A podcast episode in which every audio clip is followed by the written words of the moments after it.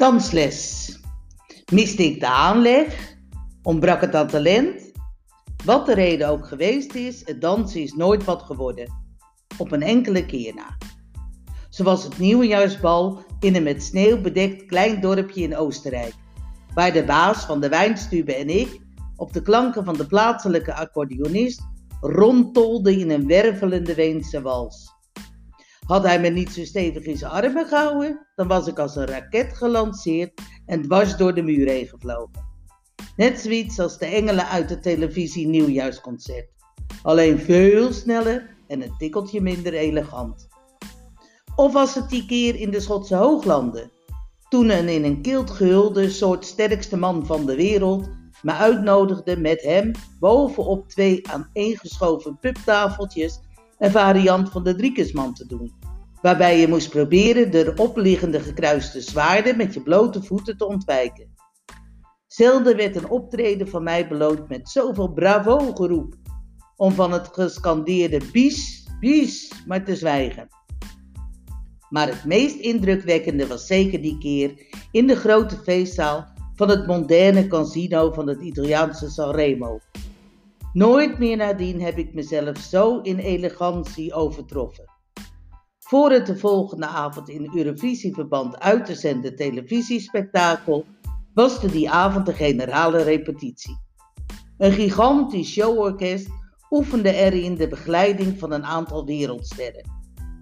Ons gezelschap, Jeste van de directie, mocht erbij aanwezig zijn.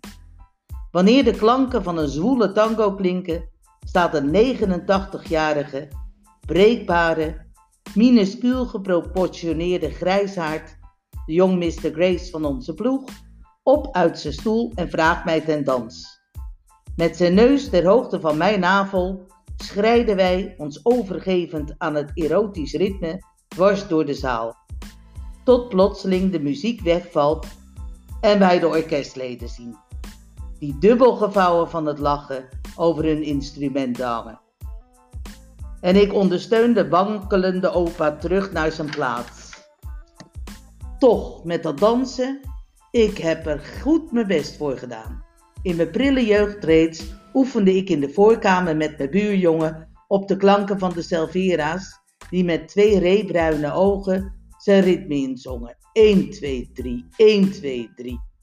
Op latere leeftijd in de doorzonkamer van mijn vriendin oefenen we op een rijtje staande slipping en sliding om tot besluit uit te barsten in het wilde bossa nova. En dan allemaal alleen omdat ik de twist niet in mijn heupen kon krijgen.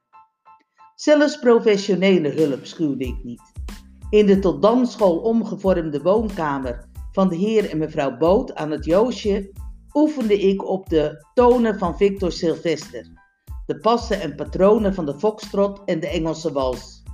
Na afloop van de cursus heb ik een certificaat uitgereikt gekregen. Misschien voor goed gedrag, want echt dans heb ik nooit geleerd. Op die ene na die in klank en gevoel stap voor stap beheerst. De Polonaise.